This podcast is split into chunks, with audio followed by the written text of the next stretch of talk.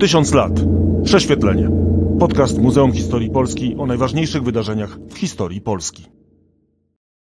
Reformować czy obalić? Opozycja w PRL. W dzisiejszym odcinku podcastu Tysiąc lat prześwietlenie zajmiemy się opozycją w PRL-u w latach 60. i 70., a po meandrach opozycji oprowadzi nas Bartosz Wójcik z Muzeum Historii Polski. Część pierwsza. Nowy porządek. Naszą rozmowę chciałbym zacząć od e, pytania postawionego przez profesora Andrzeja Friszkę. Od lat buduje się obraz powszechnego narodowego oporu i to jest obraz wygodny i chwalebny. Ale czy prawdziwy? Pyta profesor i ja pytam pana. Jeżeli spojrzymy na okres Polski Ludowej całościowo od 1944 do 1989 roku, to realnie trwałe działania przeciwko władzy podejmowali nieliczni. W niektórych okresach była to garstka. Jest to proces zupełnie naturalny, bo społeczeństwa tak funkcjonują, że wyraźna większość chce po prostu jakoś odnaleźć się w zastanej rzeczywistości i w niej funkcjonować. Natomiast y, na pewno da się w dziejach Polski Ludowej znaleźć takie dwa, moim zdaniem, momenty umasowienia tego oporu. Pierwszym takim momentem, lata 45-46, gdzie w Polsce, wbrew planom komunistów, zaistniała realna, masowa opozycja, Polskie Stronnictwo Ludowe Stanisława Mikołajczyka, którego pierwotnie w planach komunistów y, miało nie być, miał być w jakiś sposób podległy im ruch ludowy, ono liczy y, wraz z organizacjami przyległymi wiosną 46 roku około miliona aktywnych członków. To jest skala bardzo duża, to jest największa partia w Polsce. Partia, która mimo, że jest ugrupowaniem ludowym, de facto przyjmuje charakter ogólnonarodowy w tym momencie. To jest skala nieporównywalna z ugrupowaniami chociażby działającymi w drugiej RP. Mamy do czynienia z taką mobilizacją społeczną, właśnie mającą na celu powstrzymanie tej hegemonii komunistów. Z drugiej strony obok funkcjonuje też podziemie, które jeszcze jesienią 45, wiosną 46 roku jest siłą niewątpliwie realną, nie tak y, silną jak y, podczas okupacji niemieckiej, ale to jest ciągle grubo ponad 100 tysięcy osób y, zaangażowanych w różne formy działalności podziemnej. No i takim momentem sprawdzam, które pokazuje ten stosunek Polaków do narzucanego im systemu, jest moment referendum ludowego w 1946 roku, gdzie mimo nie mającej odpowiednika w dziejach y, kampanii propagandowej, gdzie komuniści dysponują monopolem w zasadzie, są różne formy przekupywania społeczeństwa, obietnice awansu i tak. Do tego oczywiście y, masowe zastraszanie i częste przypadki terroru. Mimo to Polacy idą do urni, w ponad 70% głosują przeciw y, tej strategii, do której wzywali komuniści. Oczywiście to nie miało takiego znaczenia, dlatego że, że głosy zostały odpowiednio policzone i oficjalne wyniki w zasadzie odwróciły proporcjonalnie rzeczywisty rezultat referendum. Według nich ponad 70% poparło to głosowanie, trzy razy tak, do którego wzywali komuniści. Drugim takim punktem po, po tym okresie pierwszych kilkunastu miesięcy Polski Ludowej był ten okres także kilkunastu miesięcy po przełomie sierpnia 80 roku, kiedy w Polsce na fali tego zwycięstwa robotniczego zwieńczonego porozumieniami sierpniowymi powstaje pierwszy y, w bloku wschodnim jedyny niezależny ruch społeczny działający w ramach niezależnego związku zawodowego. To jest drugi taki moment i myślę, że to są te momenty, gdzie, gdzie ten sprzeciw się umasawia. Natomiast jeżeli chodzi o o spojrzenie na Polskę Ludową tak całościowo, trwale przeciwko władzy występują e, nieliczni. Ten moment 46-47 tych lat to jest z jednej strony właśnie rozprawianie się z przeciwnikami politycznymi, z drugiej strony e, tak naprawdę rozprawienie się z tą opozycją walczącą, wolnościową nazwijmy to. I po tym czasie udało się właśnie komunistom to, czego nie udało się na przykład Niemcom, stłamsić i steroryzować całe społeczeństwo bo praktycznie pod koniec lat 40. czy na początku 50. właściwie nie było czegoś takiego jak opozycja wobec, wobec systemu czy wobec władzy. Musimy tutaj pamiętać o, o pewnej wyjściowej sytuacji, która jest w 1945 roku. O ile w 1939 roku okupacja jest oczywista. Mamy okupację najpierw niemiecko-sowiecką, y, później niemiecką. Natomiast są władze Polski na uchodźstwie, one sterują podziemiem w kraju. Rok 1945 to jest niejednoznaczność. Tu już nie ma tak jasnych podziałów. Rząd, który powstaje w Warszawie, rząd, który jest narzucony, natomiast też jest y, wynikiem pewnych porozumień alianckich, w której w skład wchodzą także przedstawiciele rządu londyńskiego, którzy zdecydowali się wrócić. No to jest rząd uznawany międzynarodowo. Dla mnie najdziwniejszą historią jest tym, tym społeczeństwie, które walczyło z okupantem i jednym i drugim, że w następnych latach właściwie wycięto z myślenia i to widać i w 60. latach, i w 70., w ogóle takie idee wolnościowe, że tej opozycji nie ma czegoś takiego jak próba choćby wymyślenia tego, że możemy mieć niepodległe państwo. To, to ta opozycja, która przyjdzie później, jest raczej próbą reformy systemu, ale nie próbą myślenia wolnościowego takiego, jak myśleli akowcy. Jak to się stało? Warunkach y, hegemonii komunistycznej, o której możemy mówić od 1947-1948 roku, kiedy udaje się już rozprawić z podziemiem i z opozycją, tu kluczowy jest ten rok 1947, gdzie mamy sfałszowane wybory, brak reakcji międzynarodowej, y, następnie ogłoszona zostaje amnestia przy tym masowym przygnębieniu tą sytuacją, ujawnia się y, znaczna część podziemia. Podziemie przestaje być zjawiskiem o charakterze ogólnopolskim. Tak samo do zupełnej defensywy wycofuje się opozycja.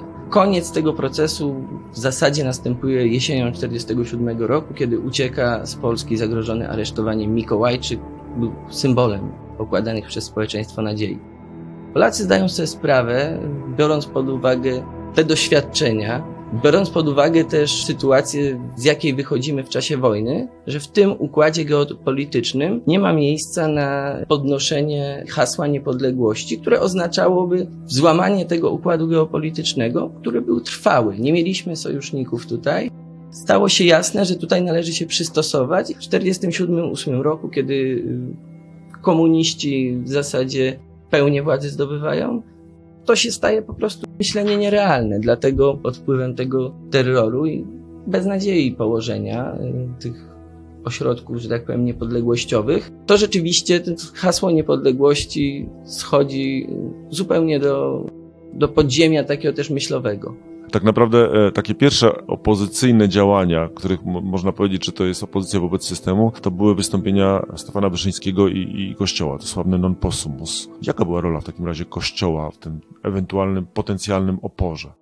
W sytuacji dominowania przez komunistów zupełnego sceny politycznej, Kościół został de facto jedyną niezależną od partii sprawującej władzę instytucją w Polsce. I to oczywiście wiązało się też z tym, że były dążenia do tego, żeby sobie ten kościół podporządkować, jak to miało miejsce też w niektórych innych krajach. W zasadzie we wszystkich poza Polską krajach bloku wschodniego. W Polsce e, pozycja kościoła była bardzo silna i komuniści zdawali sobie z tego sprawę. Stąd e, obie strony doszły do, do takiego wniosku, że trzeba tutaj będzie się jakoś porozumieć. Kościół w 50 roku podpisuje z władzą porozumienie, gdzie trzeba tej władzy trochę oddać, natomiast zachowuje y, taką niezależność instytucjonalną. I ten trwa, y, stan takiego zawieszenia, ścierania się tych dwóch ośrodków trwa do 53 roku, kiedy ze strony władzy następuje takie dokręcenie śruby, można powiedzieć. Prymas zostaje internowany. No to jest rzeczywiście moment takiego wypowiedzenia, można powiedzieć, wojny. No jest to moment wyraźnego zwarcia. Ten 56 rok teraz, e, to jest rok przełomowy i także był mm, przełomem myśleniu ludzi, tych zastraszonych ludzi. Nagle zaczęli, przynajmniej część z nich, trzeba widzieć, że jest jakaś droga, można coś próbować robić. Tutaj dokonują się takie przełomowe wydarzenia. Otwiera to śmierć Bieruta. Śmierć Bieruta na 20. zjeździe Komunistycznej Partii Związku Radzieckiego w Moskwie. To rodzi domysły, natomiast wszystko wskazuje na to, że on zmarł z przyczyn naturalnych. Zaraz potem pojawia się ustawa o amnestii. To już jest coś, co narasta. Ustawa o amnestii z wiosny 56 roku, na mocy której więzienia opuszczają tysiące akowców, tysiące działaczy polskiego państwa podziemnego, opozycji czy podziemia niepodległościowego e, po wojnie. I to jest coś bardzo odczuwalnego. Ten wiatr zmian staje się już dla społeczeństwa czymś oczywistym. I jak często bywa w momencie takiej liberalizacji systemu, no zwiększa się też gotowość do, do wystąpień przeciwko niemu. Z tym mamy do czynienia w Poznaniu. Robotnicy wychodzą na ulicę. Jest to pierwszy tak masowy sprzeciw wobec władzy, nawet biorąc pod uwagę te lata 45-46. Tego typu wielotysięcznych wystąpień, zakończonych też walkami z aparatem bezpieczeństwa, milicji, wojska. Takich przykładów nie było, więc ten Poznań jest tutaj pierwszym takim krokiem, bo zaraz obok haseł też natury socjalnej pojawiają się tam hasła wolnościowe, hasła wymierzone w dyktat Związku Radzieckiego czy dominację komunistów. Natomiast no, szokiem jest też to, jak władza na to reaguje. Reaguje strzelaniem. Latem 56 roku na szczytach PZPR też zdają sobie sprawę, że tutaj potrzeba zmian. Znów na tej fali odwilży do władzy dochodzi Władysław Gomułka, który jest architektem tego systemu. On w 45, 6, 7 roku odpowiada za to, w jaki sposób zwalczano właśnie opozycję i podziemie. Natomiast tutaj cieszy się tym nimbem kogoś, kto został w pewnym momencie uwięziony. Wychodzi jako więzień Stalin, stalinowski, jest traktowany jako ten nasz, nasz komunista. Na tej fali dokonuje się tak zwany przełom październikowy, którego punktem kulminacyjnym jest właśnie objęcie władzy przez Gomułkę. Natomiast tu rzeczywiście mamy do czynienia z, też z takim momentem umasowienia y, tych postaw, albo bardziej upodmiotowienia społeczeństwa, które otwarcie wychodzi na ulicę. No dzieją się rzeczy, które nawet rok temu, nie mówiąc już o dwa lata wcześniej, są nie do pomyślenia.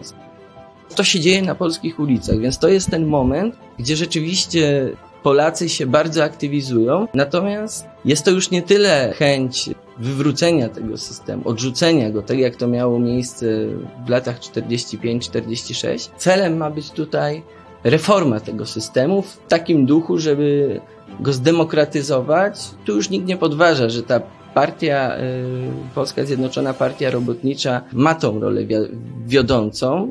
To się przyjmuje jako coś w danym położeniu geopolitycznym naturalnego i, i oczywistego. Natomiast, y, natomiast są ogromne nadzieje związane z reformą tego systemu w takim duchu odejścia od tych represji, duchu poszerzenia swobód obywatelskich, w duchu tego, co wówczas nazywa się demokratyzacją. To jest taki termin, który wtedy jest, pojawia się wszędzie. Te ruchy spontaniczne to oczywiście są e, ruchy opozycyjne, ale o prawdziwej opozycji jeszcze mówić nie możemy, takiej strukturalnej.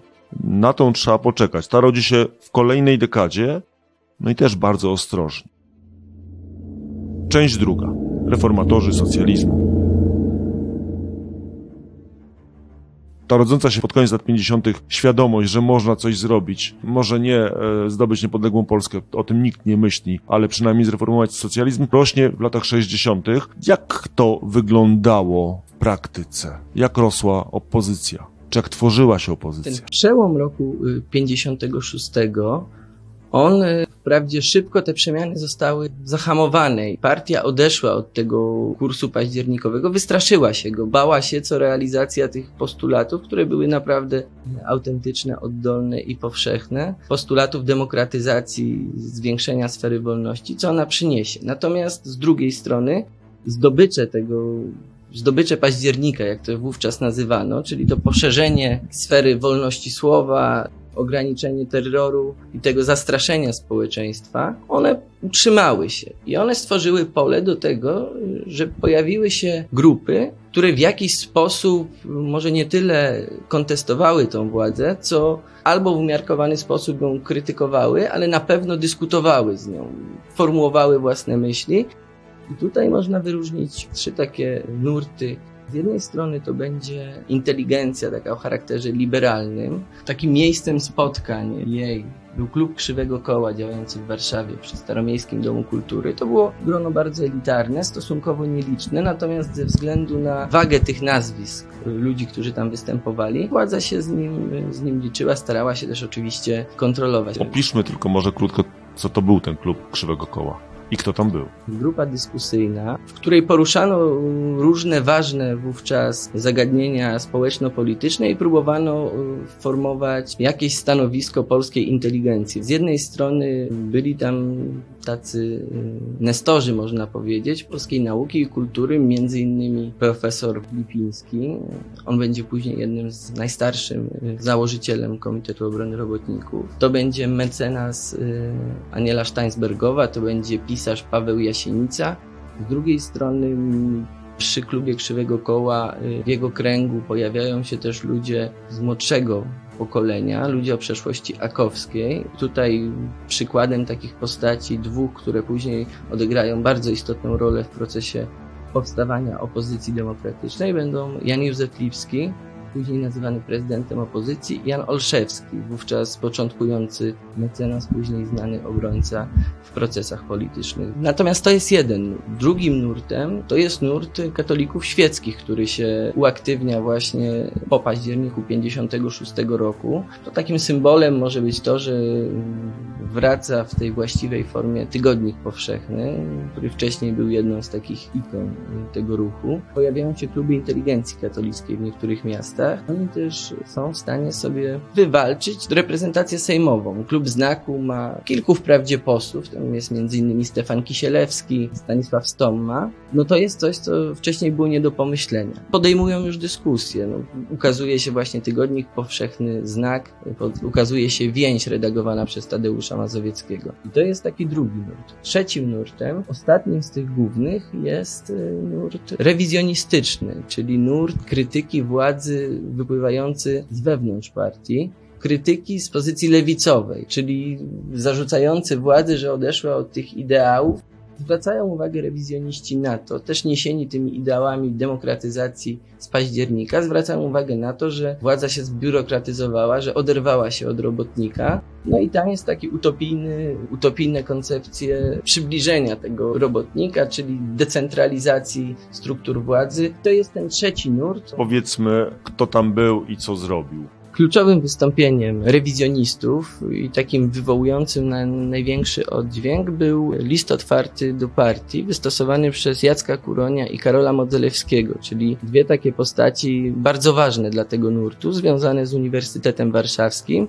Konsekwencją napisania listu otwartego jest aresztowanie Kuronia i Modzelewskiego. Oni zostaną wkrótce skazani odpowiednio na trzy w przypadku Kuronia i trzy i pół roku więzienia. Ale mleko się rozlało. Aresztowanie, wyroki skazujące nie zakończyły ani działań Jacka Kuronia czy Karola Modzelewskiego, a wręcz przeciwnie. Bardzo dużą rolę odgrywał też kontakt z y, polskimi ośrodkami emigracyjnymi, zwłaszcza Radio Wolna Europa. Oddziaływało na dużą część Polaków. 30% Polaków miało dostęp do Radia Wolna Europa? Tak, są takie badania, że jedna trzecia polskiego społeczeństwa z różną regularnością, ale słuchała Radia Wolna Europa. To też się wiązało z tym, że po 56 roku jednym z postulatów właśnie popaździernikowych było to, że przestaną być zagłuszane audycje z zachodu. I co do zasady do końca lat 60. Y, tego się trzymano, to wróci w latach 70. to, to zagłuszanie. Z drugiej strony, jeżeli chodzi też o oddziaływanie, zwłaszcza na te kręgi inteligenckie, to Instytut Literacki w Paryżu Jerzego Giedroycia jest też takim pasem transmisyjnym idei. One właśnie pomagają zaistnieć też w świadomości społecznej tym osobom, tym nielicznym, którzy temu systemowi się z różnych perspektyw przeciwstawiają. I rzeczywiście moment ogłoszenia listu, a później skazania Kuronia i Modzelewskiego skutkuje tym, że stają się oni postaciami rozpoznawalnymi, stają się, można powiedzieć, męczennikami swojej sprawy. To tu postawimy kropkę, chociaż nie kończymy jeszcze tej dekady lat 60., ale rok 68 to jest tak naprawdę otwarcie kolejnej dekady i kolejnej fazy kształtowania się opozycji. Część trzecia. Rodzi się opozycja.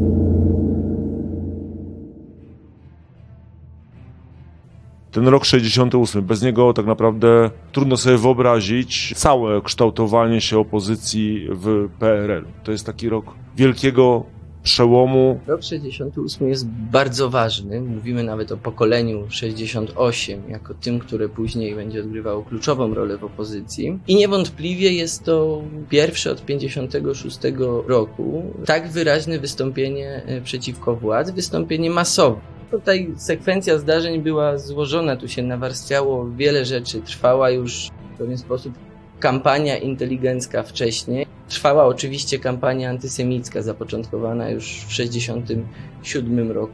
Ta atmosfera antyinteligencka to wrzało, to było odczuwalne. Na początku 1968 roku jest pretekst do wystąpień. Tym pretekstem staje się zdjęcie z repertuaru Teatru Narodowego Dziadów w reżyserii Kazimierza Dejmka. To wywołuje protesty warszawskich studentów. Jednymi organizatorów tych protestów są Adam Michnik i Henryk Schleifer, którzy zostają wydaleni z uczelni. Podczas wieców w ich obronie milicja i aktyw robotniczy, siły ORMO przystępują do siłowej, brutalnej pacyfikacji. Ta reakcja wywołuje oburzenie, sprawia, że protesty studenckie włączają się kolejne uczelnie, najpierw Warszawy, ale ten ruch szybko przenosi się także do innych miast i w pewien sposób zapowiedź już pogarszającej się pozycji Gomułki, a na pewno jego niepopularności. Z kolei brutalne rozprawienie z nim jest też, jest też takim definitywnym odejściem od tego października, mitycznego października, którego władza starała, władza starała się przedstawiać, że ona realizuje program października. Wystąpienie przeciwko studentom z pałkami, masowe akcje pacyfikacyjne przeprowadzane brutalnie, później śledztwa, którym poddawani byli ludzie nie mający wcześniej takich doświadczeń, nie wiedzący jak się zachowywać w rozmowie z służbą bezpieczeństwa czy z milicją w sprawach politycznych, one wywołują także dużą traumę, więc to nie jest tak, że po roku 68 zaczyna się już bezpośrednio rodzić taka zinstytucjonalizowana opozycja. Raczej jest tak, że władzy udaje się spacyfikować ten bunt studencki, ale też zarazem ten 68 rok dokonuje takiego przełomu w myśleniu ludzi. Jest wspólnota doświadczeń ludzi z różnych miast, którzy brali udział w tych y, protestach, byli pałowani, występowali z podobnymi hasłami. Oni często wywodzą się z różnych środowisk, jedni z katolickich. No w Warszawie takim y, najsilniejszym środowiskiem akurat w marcu 68 roku byli komandosi, czyli można powiedzieć tacy wychowankowie tego nurtu rewizjonistycznego, o którym wspominaliśmy. Wychowankowie Kuronia i Modzelewskiego można tak to e, określić. Tak, wychowankowie Kuronia i Modzelewskiego. No tutaj kluczową rolę odgrywał jeden z właśnie wydalonych z uniwersytetu, czyli Adam Michnik. Władzy udaje się ten ruch spacyfikować i w pierwszych latach, po 1968 roku, nie zanosi się na to, żeby nastąpiła jakaś znaczna przemiana. No, widać to bardzo dobrze w roku 70, kiedy na wieść o kolejnych podwyżkach występują e, robotnicy wybrzeża. Kilkudniowe protesty, dochodzi do masakry, natomiast e, reakcji ze strony środowisk studencko-inteligenckich, które wcześniej właśnie były tymi, gdzie wrzało, no ich nie ma. Mogę tutaj cytat Jacka Kuronia, Tak. który siedział wtedy e, w więzieniu, więc tak naprawdę on e, za to, że nie było reakcji, tak samo jak Karol Modzelewski, e, winy nie ponosi, ale posłuchajmy, co napisał po latach. Myśmy mieli kaca pogrudniowego. Kac mój i Karola to było trochę bicie się w cudze piersi, bo byliśmy w więzieniu, ale uważaliśmy, że oni spieprzyli tę całą historię. Skoro był ruch robotniczy, należało natychmiast rozpocząć rewindykację inteligencką, bez której nie ma mowy o procesie demokratyzacji. Tymczasem proces demokratyzacji się załamał, bo inteligencja milczała. Myśleliśmy więc, że tym razem przy pierwszym wybuchu robotniczym trzeba dać głos. To Jacek Kuroń, który zapowiada to, o czym będziemy teraz za chwilę rozmawiali, bo tak naprawdę to wielu intelektualistów, e, czy tych ludzi z inteligencji mówiło o tym, że to była zmarnowana okazja. I następnej okazji już ta inteligencja nie zmarnowała. Tragedii na Wybrzeżu dochodzi do zmian na szczycie partii, pojawia się Gierek, ale na początku tej dekady lat 70. nic nie wskazuje, żeby miało tutaj nastąpić, miał tutaj nastąpić jakiś wstrząs. Bardziej, że ten Gierek luzuje, ekonomicznie daje ten, ten czas skradzionego dobrobytu, bierze te kredyty, ludziom się poprawia, więc też, e, też i trochę motywacja siada w tej sytuacji, kiedy widać wyraźną poprawę, e, poprawę warunków życia.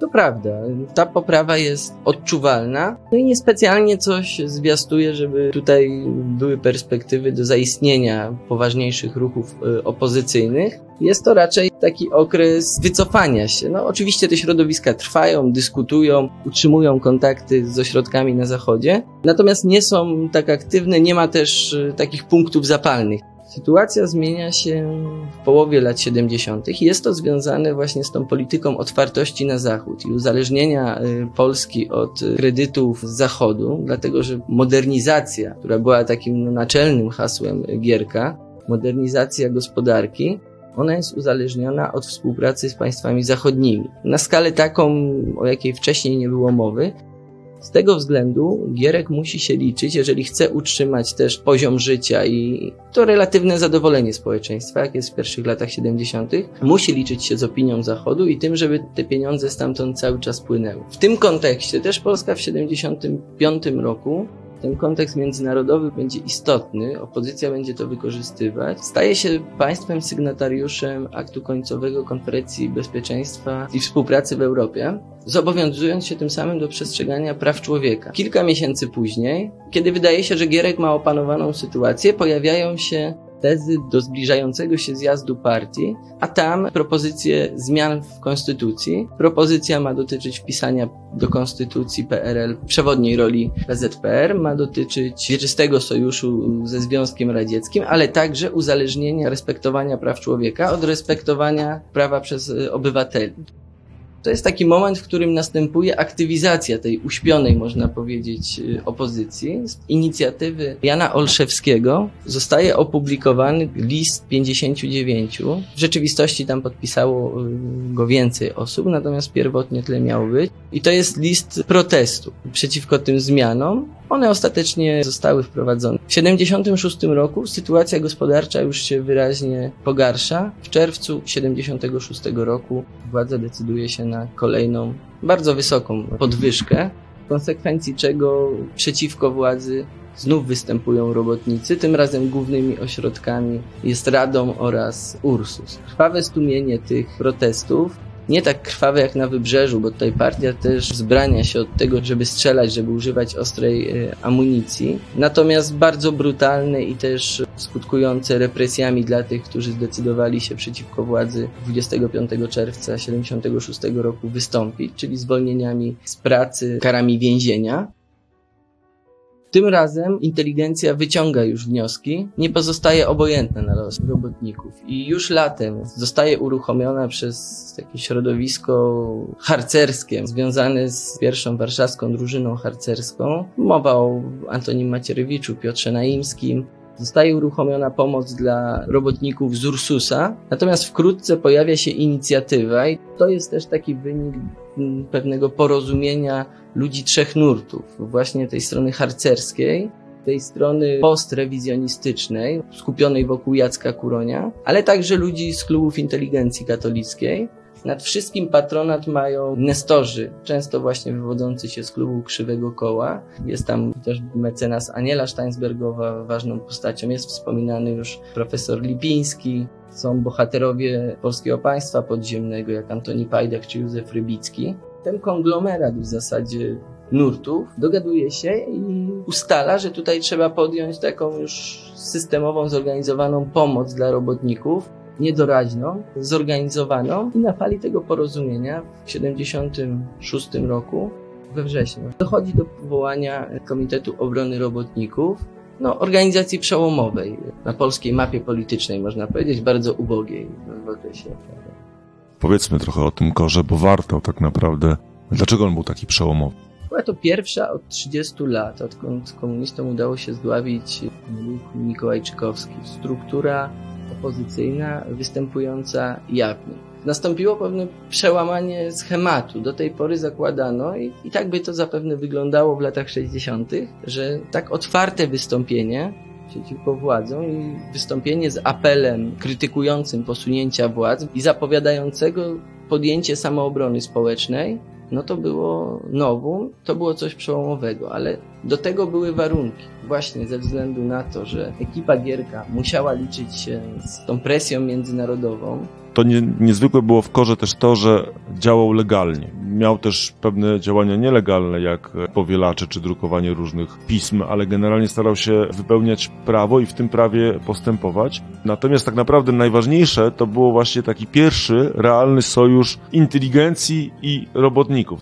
Zalążek tego, co wydarzyło się kilka lat później. To był taki pierwszy krok do tego porozumienia, stworzenie tego wyłomu, w którym zaraz pojawią się kolejne organizacje opozycyjne. Jedną z ważnych osób w korze było małżeństwo Romaszewskich, którzy mieli pewien niezwykły mebel, bardzo istotny dla historii tej organizacji posiadamy w zbiorach Muzeum Historii Polski jest to jeden z cenniejszych eksponatów. Jest to mebel, którego historia sięga jeszcze XIX wieku, natomiast w 1940 roku ojciec Zofii Romaszewskiej, Stanisław Płoski, który był działaczem Związku Walki Zbrojnej AK w sekretarzyku, zamontował taką skrytkę na materiały konspiracyjne. Ta skrytka przetrwała całą, y, całą okupację. Po powstaniu koru ten mebel służył nadal, tak jak służył w latach 40., tak w latach 70., jako skrytka na różne materiały. No niestety w wyniku donosu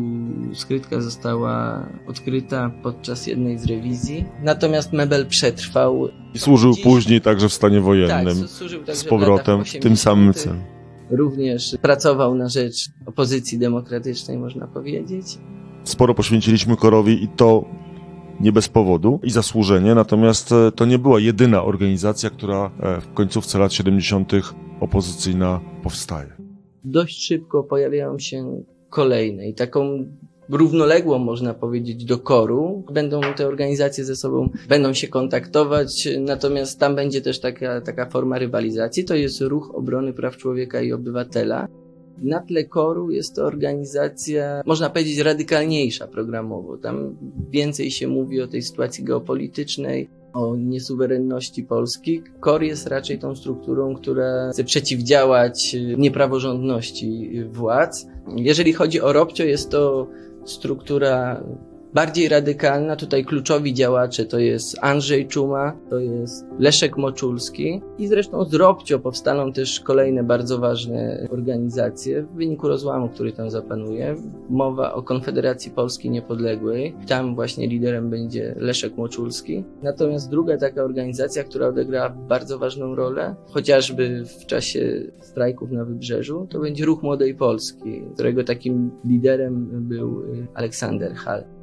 Powstają też inne organizacje. Powstają w 1978 roku wolne związki zawodowe. Powstają w jakiś sposób we współpracy zarówno z Korem, jak i z Robcio. To jest o tyle ważne, że to jest jakiś pierwszy krok, to jest już wyjście do robotników, wejście do fabryk. Wolne związki zawodowe, które powstają na Śląsku, tam Kazimierz Świtoń jest taką czołową postacią oraz na Wybrzeżu, gdzie działają Andrzej Gwiazda, Bogdan Borusewicz między innymi, Lech Wałęsa. To jest ten zalążek opozycji w, w kręgach robotniczych. To, co jest charakterystyczne, już pod koniec lat 70. mamy do czynienia z, po tym wyłomie, którego dokonuje KOR we wrześniu 76 roku, z grupą e, organizacji, które działają w różnych środowiskach, też postulują różne formy działania, różne cele. Wszystkie są już elementem takiego zjawiska, którego w zasadzie poza pierwszymi latami Polski Ludowej nie było, czyli zinstytucjonalizowanej opozycji. Nielicznej. Szacuje się, że